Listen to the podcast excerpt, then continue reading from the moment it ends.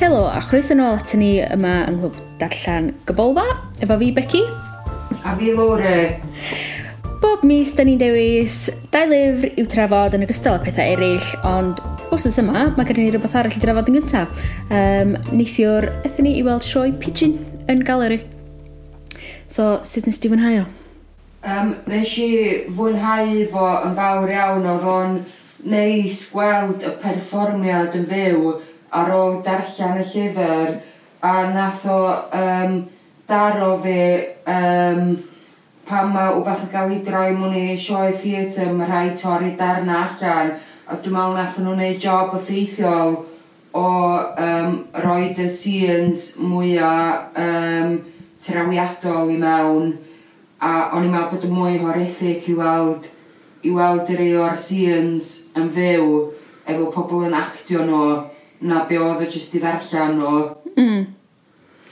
O'n i'n meddwl bod o'n gret, da, oedd o'n edrych yn ffab, oedd y set yn wych ac yn gweithio'n amazing, actio yn gret. Um, Ia, ond fel chdi, dwi'n meddwl achos bod ni'n newydd mond nid e ar gyfer clwb darllen, oedd y llyfr mor ffres yn meddwl fi, o'n i'n yn disgwyl am yr olygfa nesaf yn anticipatio beth yn mynd i ddigwydd. A weithiau fel ti'n dweud, oedd o'n jyst yn cael ei dorri allan achos ti'n methu rhoi bob dim yn, yn sioe um, ar lwyfan. Ond o'n i'n meddwl bod o'n gret ti'n fach bod ni gweld o? Ie, yeah.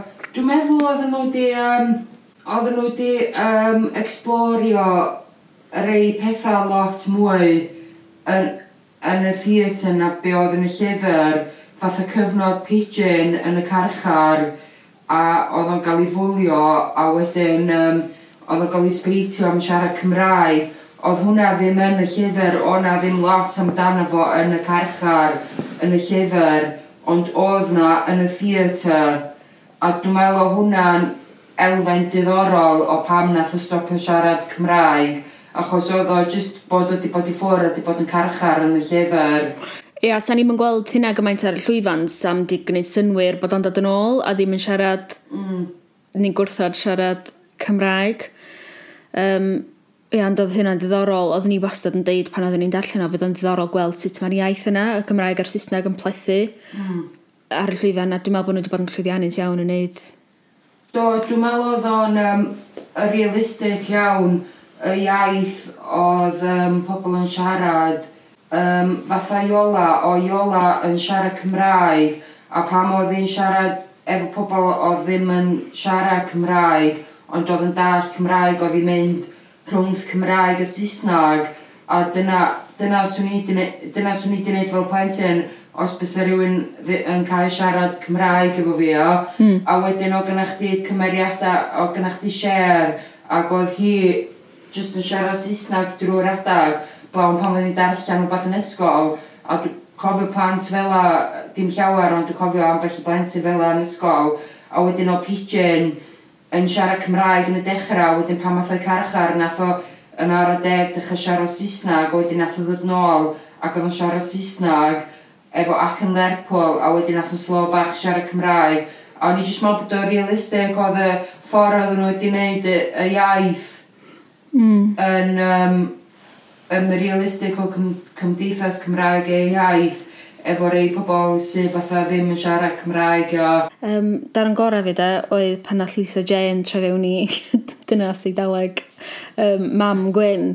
A, so, ysbryd, def, y spirit, mam Gwyn oedd yn yr olygfa yna. A mae hwnna'n un peth sydd yn y sioe oedd ddim yn glir yn y llyfr, ac o'n i'n really, really hoffi fo. Um, so, chdi'n confused pan bod hi'n endio fyny yn y toilet efo fo. Yeah. Ond ysbryd, mam Gwyn... Sut ydych chdi'n gwybod na ysbryd oedd e? Wel, achos ar ffordd oedd hi'n eista nath i literally stradlo fo ar ben y soffa, do. O, oh, ia. Yeah. So, Gwyd i dda, um, um, yeah, imagination gwyn di hwn oh, yn dod ei fam, so di byth yn gallu dianc oddi wrth i hi, okay, yeah, a'i disgwyliadau hi, a wedyn erbyn pan mae o yn, yn dianc fyny i'r toilet wedyn, achos bod y plant yn trio roed i difo ar dan, a mae hi yn y toilet efo fo, mae o'n dianc drwy'r ffenast, a mae hi'n cael ei gadael yna, a mae hi'n llosgu efo'r tŷ, dydy. So, ond i ysbryd hi sydd yn diflannu. Oh, right. So, pan da ni'n gweld yn y llyfr, tod, er bod colli'r tŷ yn rhywbeth erchill, mae o'n deud ar y diwedd y deud, na dyna, oedd fatha cychwyn ail ddechrau mywyd i rili, dwi wedi mhm. gallu symud ymlaen yn ei rhywbeth, a dwi'n meddwl dyna oedd y metafor neu'r um, er symbol yna o mam fo yn cael ei gadael ar ôl yn y toilet neu jyst i ysbryd hi, mae hi di mynd a di diflannu hefo'r tân, mm. so rwan mae o'n cli... y annibynnol. Yndi, mae o'n, mae o'n rhydd ohoni hi a mae o'n cli symud ymlaen efo'i fywyd. Ie, yeah, o'n i, i heb di dallt na ysbryd oedd hi, chos o'n i'n mynd pam bod hi yn y toilet, pam nath nhw roed y tu ar dan, a o'n i'n dall pam bod hi yn y llyfr yn hirach. Ti'n gwybod, yn y, yn y llyfr oedd hi di marw, o'n i'n mm. dall pam bod hi'n awr, mae'n synwyr rwan bod na ysbryd oedd hi. A... Yeah.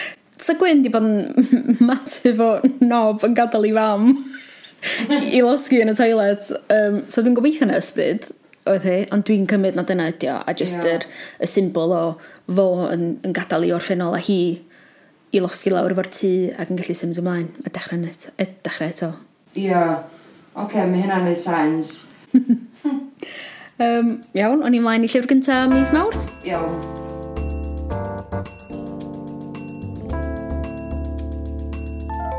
Cool. Um, so, wnaethon ni benderfynu darllen Mori gan Fion Davies.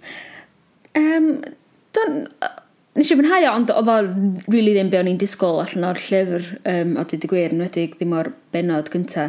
So mae gen ni morfydd, y prif gymeriad, dynas, canol oed, dim hynna hen, ond mae hi'n poeni bod hi'n mynd yn hen a ddim yn edrych mor glws ac yn um, bendant yn ei 40-50 hyd yn oed ella.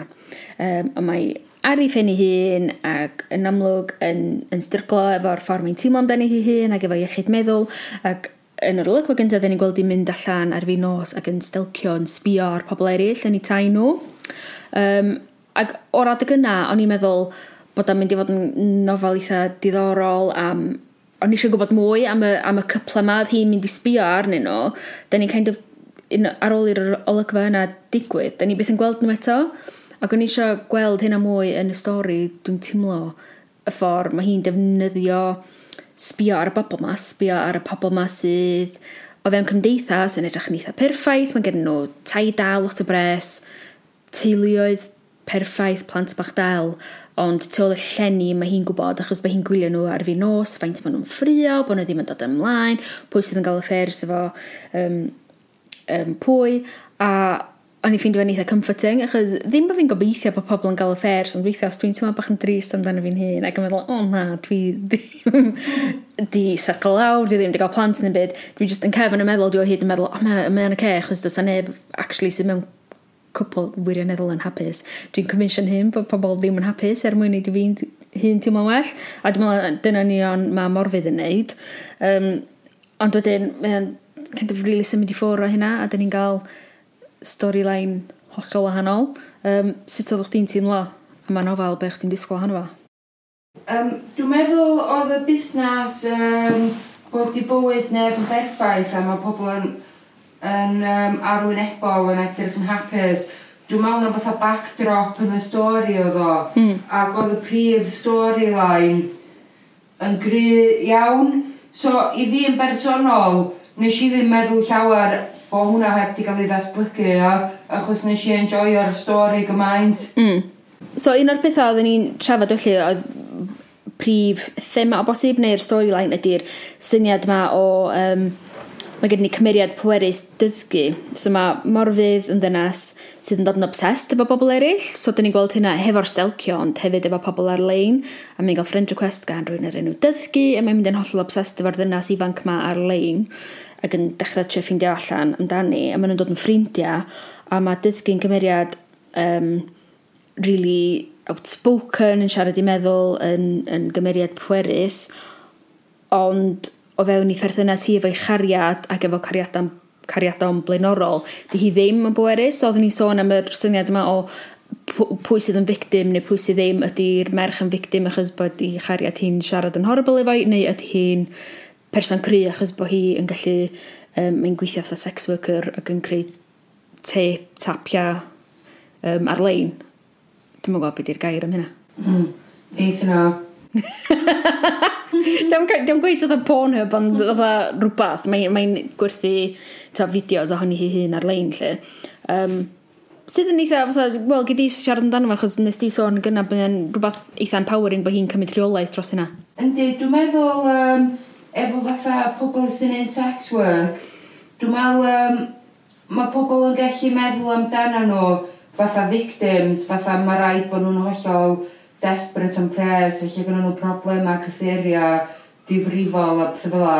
Ac eich bod hynna wir mor rei achosion, ond dwi'n meddwl bod oedd dyfgu yn gymeriad, um, oedd hi'n cymryd, cymryd perchnogaeth dros busnes hi, ac oedd hi fatha in control o busnes hi a wedyn oedd um, oedd oedd o'n dangos sut ella bod sex workers yn gallu bod yn empowered a bod nhw'n um, a bod o fatha um, bod nhw, bod nhw mewn rheolaeth o busnes nhw a bod o ddim just amdan, amdan nhw yn victims a sut mae yna fatha um, sut mae hwnna mwy gymleth na just bod nhw'n victim. Ond oedd hi, oedd hi yn person cry iawn, oedd hi siarad i meddwl, oedd hi'n neud beth isio, oedd hi'n benderfynol iawn efo'i busnes.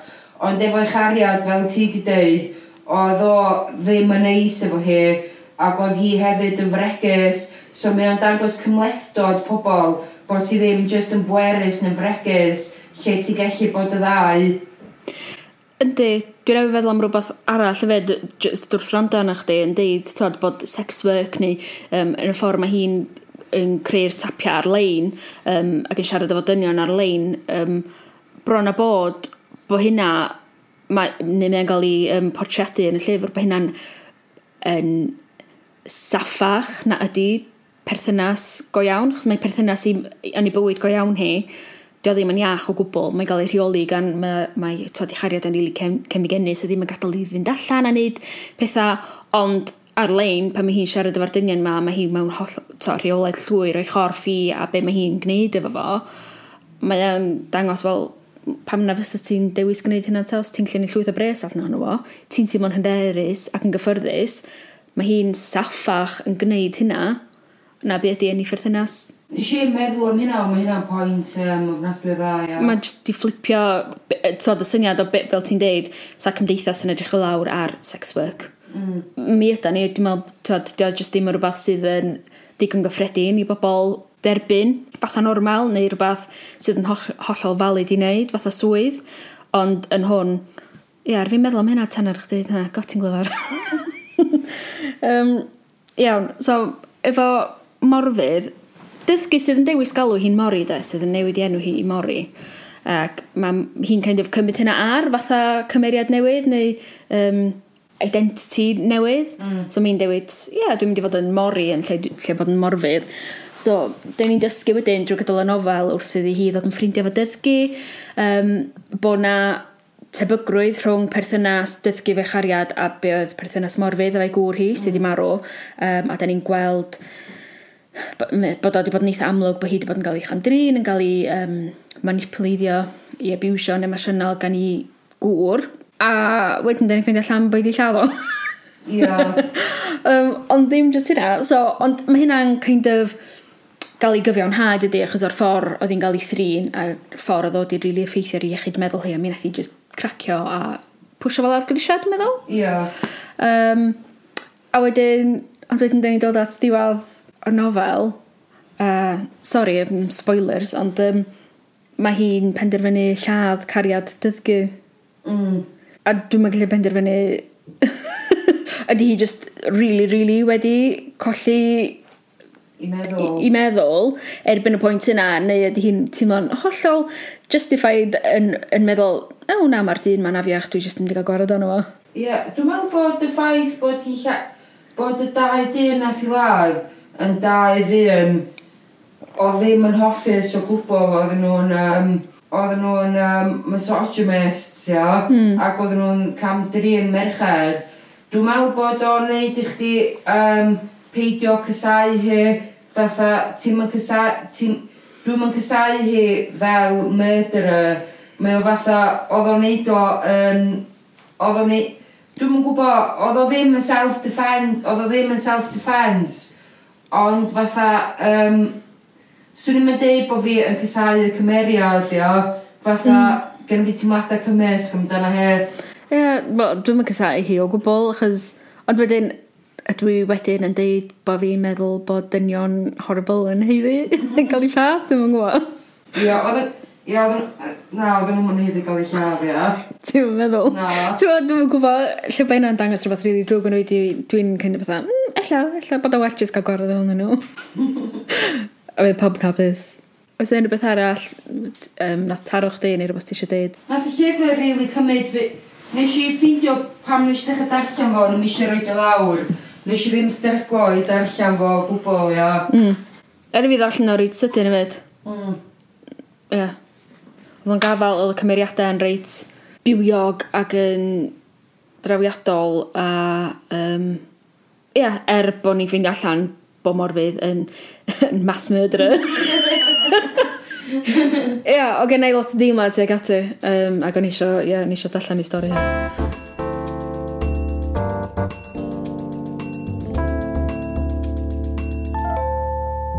Reit, a ymlaen i'r ail uh, nofel nofel sydd yma ac mi wnaethon ni dan daw gyrmiad di um, lori ddarllen Norwegian Wood gan Haruki Murakami. Rwan, hwn di'r llyfr gyntaf dwi darllen gan yr awdur yma. A dwi jyst yn gobeithio bod ni'n mynd i uh, dweud enwa pawb yn gywir yna fo, ond mae wedi cael ei osod yn Japan. Um, oh gosh, yma cofio pa flwyddyn. Ydy o'n ôl yn yr 60au? Dwi'm yn cofio, oedden ni'n ei 60au neu 70au. Oedd. Rhywbryd, oh gosh, dylen ni di checio. Cyn o'ch siarad yn fo. Mae gan Lwri a fi rhyw broblem lle da ni'n darllen llyfr ac rydyn da ni'n rhoi ei lawr tyn ni'n anghofio bob dim amdano fo. Um, sydd yn gret pan da ni eisiau recordio podcast. Um, yeah. So, Japan, mae'r protagonist y prif gymeriad yn, yn berson ifianc sy'n mynd i ffwrdd i coleg Um, a da ni'n just yn, yn dilyn fo, really, am chydig o flynyddoedd wrth iddo fo ddod i'n abdi hun um, a tyfu fyny. Ond mae'n siŵr y prif peth y gyntaf sydd yn digwydd ydy mae o'n colli i'w ffrind yn ifanc iawn. So cyn iddo fo fynd i ffwrdd i coleg, mae o'n colli i'w ffrind gorau, nath gymryd i fywyd i hun, nath lladd i hun. Um, a wedyn, tra mae o'n coleg, mae o'n dod yn ffrindiau hefo cariad i ffrind nath lladd i hun. Si hefyd wedi symud i'r un ddinas? Ie. Yeah. So, y prif gymeriad torw a'i ffrind slash kind of cariad, ond y ferch oedd yn mynd allan hefo'i ffrind yn y lladd i hun. Na Yoko? Nayoko? Yeah. So ti'n dod o fel o? Yeah. yeah. Um, a, ie, yeah, so i perthynas nhw, efallai, i gychwyn efo, sydd yn ie, yeah, un o'r prif bethau sydd yn treiddio trwy'r nofel sy'n ni'n dweud. So chdi'n dweud, ia, o'n i'n sylwi bod efo Newco, o'n a lot o disgrifio y ffordd oedd hi'n edrych fatha e, trwy'r llygad fatha um, oedd o fatha Ti'n pam ti'n ifanc, dwi'n meddwl bod looks yn mwy pwysig. Mm. A um, dwi'n meddwl oedd o fatha... Oedd o fatha... Um, oedd y ffordd oedd o'n disgrifio, y ffordd oedd hi'n edrych yn cael o fatha teip o beth sy'n rhywun yr oed, oed coleg yn neud, y rili really cymysylw o ffordd mae rhywun yn edrych. Ie. Yeah. A wedyn, dwi'n meddwl bod pethau fel yna mynd yn llai pwysig wrth i'ch mynd yn hun. Na, dwi'n meddwl bod opsiynau ni jyst yn mynd yn llai. Ti'n mynd gael ceirio mae pethau na, ti'n mynd yn hun. Um, ia, yeah, sori. Cytuno. Um, ia, yeah, dwi'n meddwl bod, ia, yeah, dwi'n meddwl bod Haruki Murakami weithio yn um, rili really disgrifiadol o ffordd mae pobl yn edrych. Mm. A mae o'n effeithiol, ond dwi'n gwybod sy'n mynd am beth da to drog. Wrth i chdi sôn, man, mae o'n ei fi o synwyr i fi. Dwi'n bod o'n effeithiol, achos dwi'n credu mwy yn y protagonist, achos hogyn ifanc dio yn coleg, a mae'r yeah. ffordd mae Mawr y Cami yn sgwennu fo, dwi'n meddwl bod fi'n rili really credu yn y cymeriad yna, a'r ffordd mae o'n gweld y byd, fel ti'n mm. deud, achos mae... Hei, Paddy. mae'r ffordd mae pobl yn edrych yn rili really bwysig i'r cymeriad yma, mae o'n rili really disgrifio fo. Mm. Um, so, dwi'n gwybod, dyna di pwrpas mawr y cami drwy'n neud hynna, di wneud i ni coelio yna drwy llygyd hogyn, tod, dyn a oed, da ni'n gweld y byd ma. Dwi'n gwybod. Dwi'n gwybod. Dwi'n meddwl bod gwaith fo'n teddu bod yn, disgrif yn ddisgrifiadol anywhere, ond o hwn yn arbennig o'n disgrifio y cym cymeriadau benywaidd ifanc, oedd o rili siarad am y ffordd oedden nhw'n edrych. Mm. Ac ella dyna, ella dyna be oedd o bod o'n gallu roi di hun mewn i gwahanol oedranna a dyna pa mae'n dda sgwennu o. Ie, yeah. un o'r pethau oedd yn taro fi neu o'n i sylwi arno fo wrth allan oedd um, tad oedd yn amlwg bod, ni, bod y llyfr yma wedi cael ei osod mewn um, gwlad arall yn Japan a ella bod fi jyst ddim cweit yn deall y diwylliant neu ddim wedi cael profiad ohono fo bod yn dweud hwn di'r llyfr gyntaf dwi'n darllen gan fo a dwi wedi rili really darllen un byd dwi'n meddwl sydd wedi cael ei osod yn Japan o blaen. Um, a'r diwylliant er mae diwylliant y pobl ifanc maen nhw'n tod jyst yn mynd allan yn cael sex maen nhw'n tod dyn ni'n cael lot o straeon am perthynas pobl ifanc. Yr un peth music hefyd yr un peth yna fo. Mm. Um, o'n i'n teimlo, mae'r ffordd mae'r cymeriadau'n cyfathrebu fe gilydd yn rhywbeth hollol estron i fi. Maen nhw mor onest ac agorad efo gilydd. Ac o'n i'n meddwl, di hynna, ella ddim yn rhywbeth da ni'n aml yn gweld. Um, tyd, dwi definitely ddim yn teimlo bod fi wedi profi hynna. Tyd, just y ffordd maen nhw mor agorad am rhyw, yeah. rhywioldeb, y ffordd maen nhw'n siarad am eu teimladau, sut maen nhw'n teimlo pethau. O'n i'n teimlo bod lot o pethau llasa yn cael ei weld yn tabw gyda ni, oedd y cymeriadau ma'n cael ei siarad amdanyn nhw'n hollol agorad. Dwi'n yn gwybod os um, mae hynna'n adlywyrchiad o adlywyrchiad o um, sut mae um, diwylliant pobl Japanese, dwi'n mond i abod un person Japanese yn bywyd fi, a ni'n ffrindiau eitha da fo, ac oedd hi ddim fel o, ond dylla oedd hi ddim yn typical o um, pobl Japanese, ia. Ond eich, dwi'n meddwl, ella bod ydy pobl Japanese ddim fel a, dwi'n siŵr, ond dwi'n meddwl dyna be oedd y rhan o be oedd yn neud y, y nofel mor effeithiol, ia, oedd bod nhw'n siarad am pethau mor agored. So, oedd o'n neud y stori lot mwy diddorol. So, dwi'n meddwl sa'ch chi'n cymryd yr elfen yna i ffwrdd o'r stori. Sa'r stori'n colli lot o um, be oedd yn neud o mor ddarllenadwy. Mm. Yndi, achos mae'n frustrating pan ti'n gael gwybod be mae cymeriad yn, yn meddwl. Mm. Ac ar hwn dwi'n meddwl oedd o literally ar y dudalen, oedd bob dim oedd nhw'n teimlo a meddwl yn cael ei ddeud. Mm. Um, ia, ni'n ffeindio hynny'n diddorol. Un o'r prif themau um, sy'n cael ei drafod yn efo ydy iechyd meddwl um, a bron bob un o'r cymeriadau mewn ffordd yn delio efo rhywbeth a um, toro y prif gymeriad wedi colli ffrind a rwan cariad i ffrind o sydd yn dod yn gariad iddo fo um, mewn ffordd a mae hi'n really stryglo di byw trwy colli i chariad. Um, a pethau eraill yn y bywyd hi a wedyn mae hi'n mynd i dwi'n meddwl beth yw rhyw sanatorium maen nhw'n gael efo yeah. i ffwr eto rhywbeth dwi ddim yn gyfarwydd efo fo ond oedd o'n rili really diddorol y ffordd oedd hwnna'n cael ei sgwini hefyd. Ia, oedd o ddim fel ym ysbyty meddwl, oedd mm. o hmm. ddim meddyginiaeth yn byd yna. Ac oedd nhw just, oedd o just fatha yn eitha gorau, oedd nhw'n gael checio allan pryd oedd nhw isio. A dwi roed i clywed am dim byd fel o blaen. A um, o'n i'n ffeindio hwnna, o'n i'n ffeindio hwnna yn ddiddorol. A wedyn o'n i'n ffeindio Ricky... Ricky... Raico? Raico. Oedd Raico yn... Um, ddiddorol yn y fo, ia. I got thoughts uh, um, am, am Raico, ia.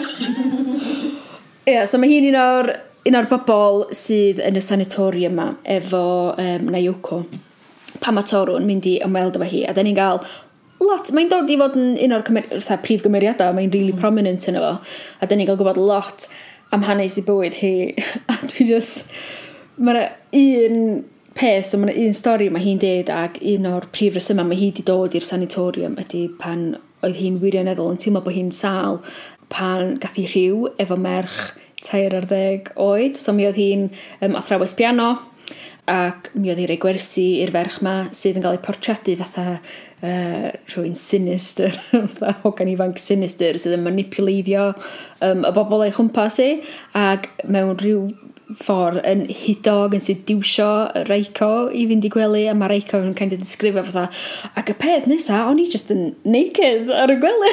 just fatha, mm, oedd o'ch Ia, yeah, oedd o'ch di dweud bod hynna ddim yn gredadwy, a nes i ddim meddwl am y peth ar adag, nes i just darllen o fel oedd hi deud o, a nes i feddwl am hogan ifanc fatha person rili really drwg, ond unwaith nes di dweud o hynna yn gredadwy, dwi'n cael of gweld beth i feddwl, so dwi'n siŵr os oedd hi'n deud y gwir neu beidio.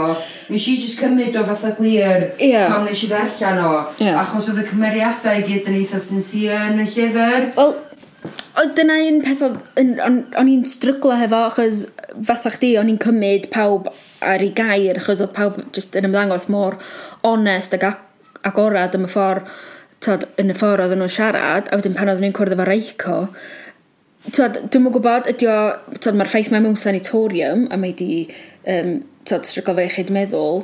Nath o'n e i wedi feddwl chydig bach am, um, beth yw'r ffilm na, efo Leonardo DiCaprio yna fo. Lle mae o'n mynd i, mae o'r rhyw ynys, rhywbeth island di yna fo. Ti wedi gweld o? Na, dwi wedi gweld o. Oce. Okay. Ac mae'n stori hir, ond mae'n endio fyny na fo... So, yn y dechrau, ti'n dechrau, ti'n gael meddwl na fo di'r detective, mae mm. ar yr, um, yr ynys ma i, i ffeindio rhywbeth allan, ond erbyn diwedd, dyn ni ffeindio na fo ydy un o'r patients mm. yn yr, fel, y sanatorium ma. Ac oedd o'n neud i fi deimlo, chydig bach fel efo'r Aika ydy, ydy hi'n wirioneddol gwybod faint o sal ydy hi, neu ydy hi'n really yn byw yn y byd fantasy ma lle mae hi'n credu mae hi wedi cael ei sediwsio gan merch 13 evil nath mm. manipulatio hi a mynd â hi i gwely a dwi'n meddwl ti'n oedolyn os o ti di cysgu fy rhywun sydd yn 13 mm, So ti'n meddwl gyda hi'n grasp ar reality? Hollol, ie. Yeah. yeah. Ond wedyn, mae hynna dyn ni fi cwestiynu bob dim arall dwi wedi darllen mm. erbyn y diwedd. Um, achos bod fi'n ymddiriad gymaint yn y cymeriadau i gyd, wedyn mae stori hi unwaith nes i ddarllen hwnna'n eitha, oh, dwi ddim cweith yn meddwl, Ia, yeah, bod hi'n gweld dim byd yn wrong, ta, yeah. sefyd ydi peidio adnabod bod cysgu fo rhywun sy'n 13 a na ddim bai chdi ydy hynna, dwi'n mwyn yeah. gwybod. Dwi'n gwybod beth ti'n feddwl, ia.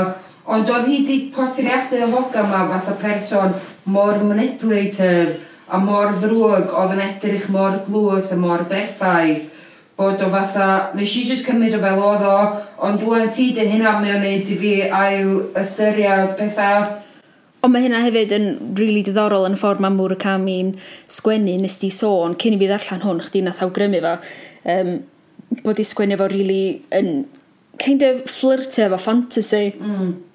A ti rili really yn teimlo bod chdi mewn byd gwahanol pan ti'n darllen. Mm. Dim jyst yr iaith mae'n defnyddio ar ffordd mae'n sgwennu, ond wedyn o stori hi, ond ti'n meddwl, o, oh, cweit, ydy'r cymeriadau yma i gyd jyst ddim cweit yn gweld y gwir, to, bod nhw jyst yn byw ar ryw lefel gwahanol i'r ffordd mm. da ni'n gweld y byd. So, mae ydyn ni fi cwestiynu lot ers yeah. gorffan.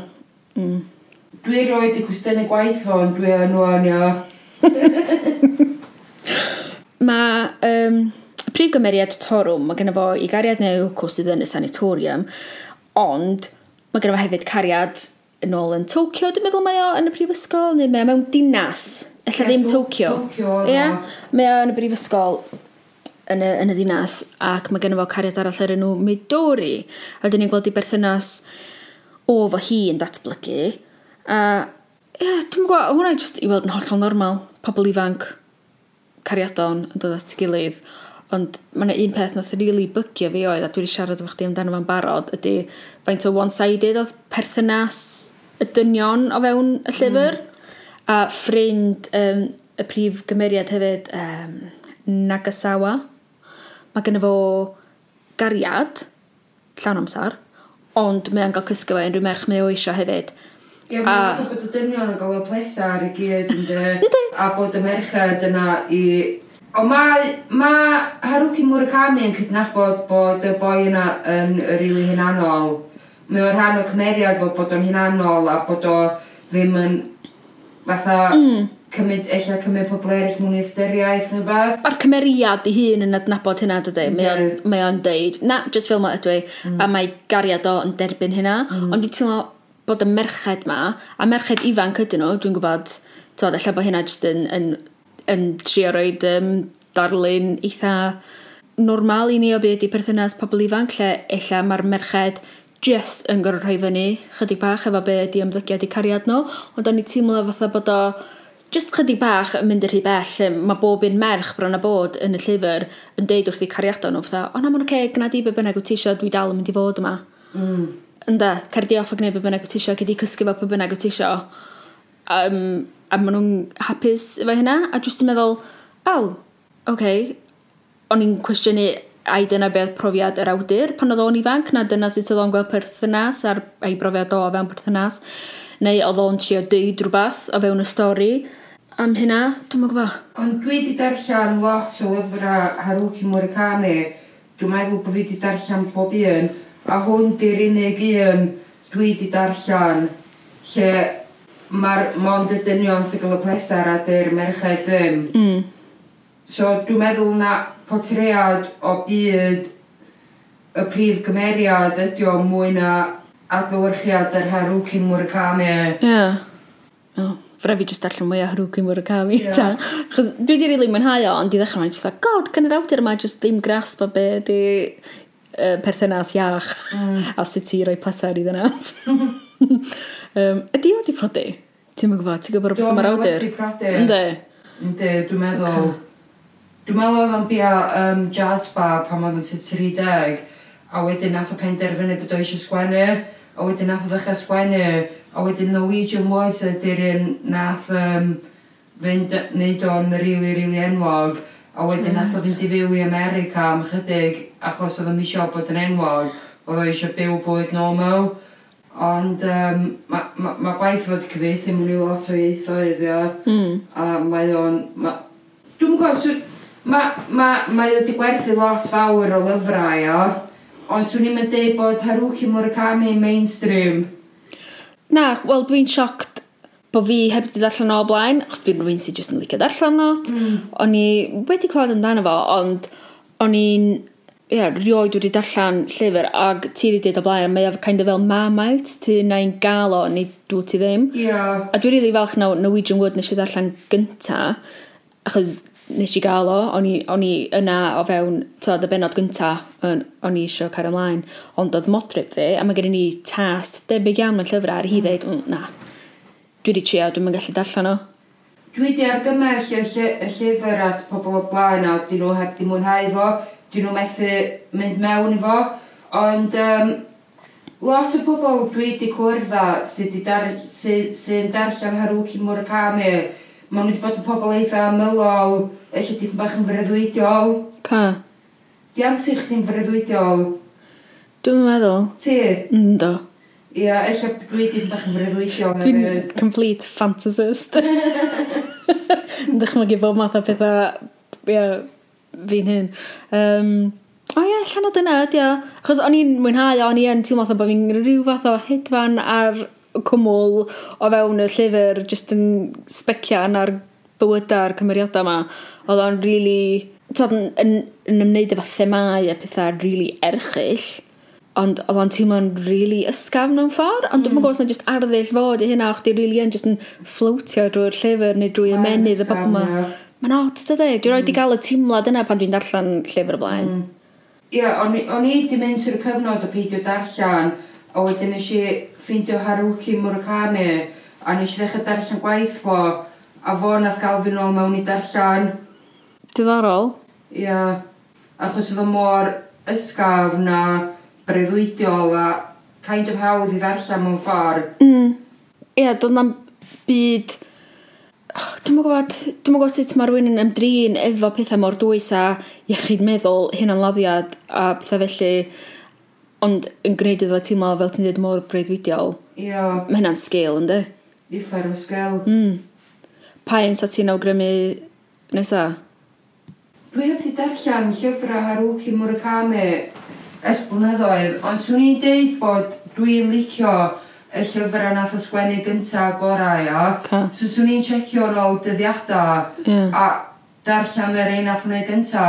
Nes i ddarllen dau llyfr olaf fo, which mae wedi sgwennu, dim yn ofnadwy o ddiwedd, wel, mae wedi sgwennu, nath o sgwennu llyfr tua fatha 11 mlynedd yn ôl, a nes i mwynhau hwnna, nes i rili really streglo i ddarllen o, ond pethau cynharach fo, mm dwi'n ffeindio yn rili really darllenadwy, so swn i'n checio pryd gath nhw i cyhoeddi o.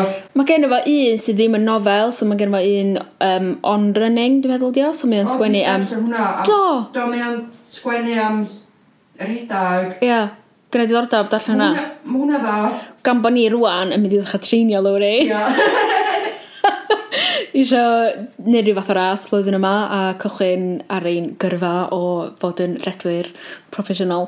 Um, o, oh, allan na allan hwnna, dwi'n meddwl. Hwna ferch yn adwy fyd. Ie. Yeah.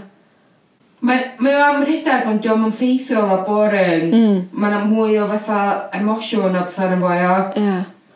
Ww, lle sa hwnna'n ysbrydoli ni i, i fynd i pac ryn. Ie. Yeah. Nôl at Norwegian Wood, dim yn cofio lle oeddwn ni'n siarad, lle oeddwn ni wedi cyrraedd o fewn y stori, ond da ni'n dod, gosh, ia, yeah, reit yn y diwedd wedyn. Um, so mae Toru yn, yn strygol, diolch yn gwybod pwy penderfynu na Yoko sydd yn y sanatorium sydd tod, yn really stryglo di hi ddim yn gwybod os dim di allu dod allan a byw bywyd normal um, ond mae o'n hollol hollol mewn carod efo hi ac eisiau cefnogi hi ond wedyn mae o hefyd yn disgyn am Midori y ferch arall yn Tokyo Um, ond wedyn, my gosh, mae Nayoko um, fel i ffrindio pan oedden nhw'n ifanc yn, yn lladd hyn. Mm. Um, ac o'n i'n gwybod bod o'n dod, o'n i'n disgwyl iddo fo ddod, ond o'n i dal yn teimlo bod fi wedi cael iffer no whack yn y mol. Ers pryd oedd chi'n disgwyl iddo fo ddod? Um, yn y, twad, oedd o'n sgwennu llythyrau doedd at i hi ar Eico yn y sanatorium. Ia. Yeah. Ac ar nhw ddechrau sôn am y ffaith, so oedd o'n arwydd o cael bod na Yoko pan oedd hi'n sgwennu llythyrau ty ac at yn ôl ato fo, oedd hi yn dechrau gwella, achos mm. oedd hi'n mm. ffeindio ei geiriau eto ac yn gallu sgwennu, mm. a pan oedd hi'n teimlo'n rili really sal neu'n rili really isal, oedd hi ddim yn gallu sgwennu llythyrau ato fo nag oedd. No. Ac erbyn y diwedd, i ffrind hi Reiko, um, oedd yn sgwynnu llythyrau dros hi, ac o'n i just yn, o'n i just yn disgwyl amdano fo, dwi'n meddwl. O'n i'n meddwl hwn ydy'r last, fatha'r gut punch ar ddiwedd y nofel o'n i'n disgwyl. Oce, okay, nes i'n gweld o dod. Na. Na. Oh, o'n i'n disgwyl o, ond fel yn dweud o dal yn uffernol punch a sioc darllen o. Yeah. Ond mae ffordd mae'n sgwennu mor casual bod oes am byd yn siocio fi mewn ffordd. mae'n sgwennu am y pethau mwyaf fatha trwm mewn ffordd mor ysgafn. Mae fath o bod dwi'n gallu cymryd o'n well na byswn i ser rhywun arall yn darllen o. Ie, yeah, a mewn i'n mynd o'n really matter of fact ydy, mae fatha sa ti jyst yn sefyll yn y bus stop efo rhywun yn dweud, oh, by the way, uh, mae so and so di lladd hyn. Mm. A ti jyst dda, oh, oce, okay. ac yn mynd ar y bus ac yn cael ymlaen efo dy ddiwrnod. Mm. A mae'n mae o'n teimlo fel la, ond, ie, yeah, hwnna ddyr unig adag yn y lle lle o'n i teimlo fatha, ffac, o'n i'n fatha bach yn, wff, mae hwn yn drwm. Um, o'n i ddim cweit yn teimlo fatha bod fi'n hedfan ar ben cwmwl yn y darn yna, ond wedyn... Sorry. Mae Reiko yn dod allan ar sanatorium i weld Toru um, ar ôl i na i'w cwlladu hyn. Ac um, so erbyn hyn mae Reiko ben i 40 neu'n mynd tuag at i 40? Um, oedd hi'n... Neu 30 fel? 37 yn dechrau llyfr. O, oh, reit, oce. Okay. A dwi'n meddwl bod llyfr dros cyfnod o tair mlynedd. Ie. Yeah. So swn i dweud bod ni'n 40, ia. Ie. Yeah. So mae hi dod allan o penderfynu be'n amser ydy hi adael y sanatorium a dechrau byw i bywyd, a mae hi a Toru uh, wrth gwrs yn cael sex. Ac actually, hwnna di un o'r bron, un o'r unig adegau lle mae yna rhyw yn y nofel rhwng yr cymeriad yma dwi'n yn ffeindio'n very iffy a questionable achos mae wedi cael sex o'r rwy'n sy'n 13 ond mae'r yr, yr golygfeidd um, na rhwngthyn nhw pan maen nhw efo gilydd yn really lovely Ti'n meddwl? Achos dwi'n teim, gael y teimlad bod hi ddim rioed wedi cael pleser fel la yn ei bywyd o blaen. A mae'r mae pethau nas nhw, dwi'n meddwl, just yn really lovely reit ar y diwedd. Ti'n meddwl? Um, dwi'n weird. Mae o, ond swn i'n dweud bod na hwnna sticio allan fatha o fath rili really arbennig i fi yn y llyfr. Ie. Yeah. Dwi'n gwybod beth ti'n feddwl. Ma, mm. Mae o yn... Mae ma, ma, ma perthynas nhw yn eitha touching a mae'r disgrifiadau neis a pha. Ond um, dwi wedi darllen lot o pethau Haruki Murakami sydd fel o. Yeah. Dyna sydd dwi'n ei ddeitha chdi, um, ti'n gwybod y ffordd oedd y... Um, oedd y perthynas rhwng dynion a merched yn one-sided bod y dynion yn golygu plesar i gyd. Yn y sîn yna, oedd y dyn a'r dynas yn golygu plesar, ond mae'r gweddill llyfrau Haruki Murakami yn mwy two-sided, dio. Okay. So, oedd o ddim fatha wbeth o'n i heb di darllen o blaen. Ie. Yeah. O, oh, reis, oce. okay. So, just y newydd i fi oedd o felly, achos hwn di'r llyfr gyntaf dwi wedi darllen gan efo, ac o'n i'n ffeindio'r perthynas rhwng y dynion a'r merched o fewn y llyfr yn really one-sided ac oedd hynna jyst yn rhywbeth oedd yn bygio fi a rhywbeth o'n i'n meddwl oedd yn arwydd o cael o fewn y llyfr a wedyn erbyn y diwedd o'n i jyst yn cael y teimlad o tha o na mae'r cymeriadau yma mae Toru wedi kind of eiddefedu mae o mm. yn gwybod beth i gael perthynas fatha cariadus hyd nad os diom ond yn para be oedd un diwrnod oedd nhw mm. efo'i gilydd neu be bynnag cyn iddi hi symud i ffwr' yn teimlo o, oh, oce, okay, good, mae o'n mynd i fynd i, i fewn i'r byd rwan yn gwybod sut i i fod mewn perthynas a sut i roed cariad at ddynas. Mm. Ac o'n i jyst yn falch bod ni wedi cael kind of a resolution yna ar y diwedd. just i fi, just, o'n i just eisiau gwybod bod do mynd i roi pleser I, i merched a bod o ddim yn mynd i ddisgol gael o'i hyn. Ie. Yeah. Dyna'r unig beth yn eisiau. Mm.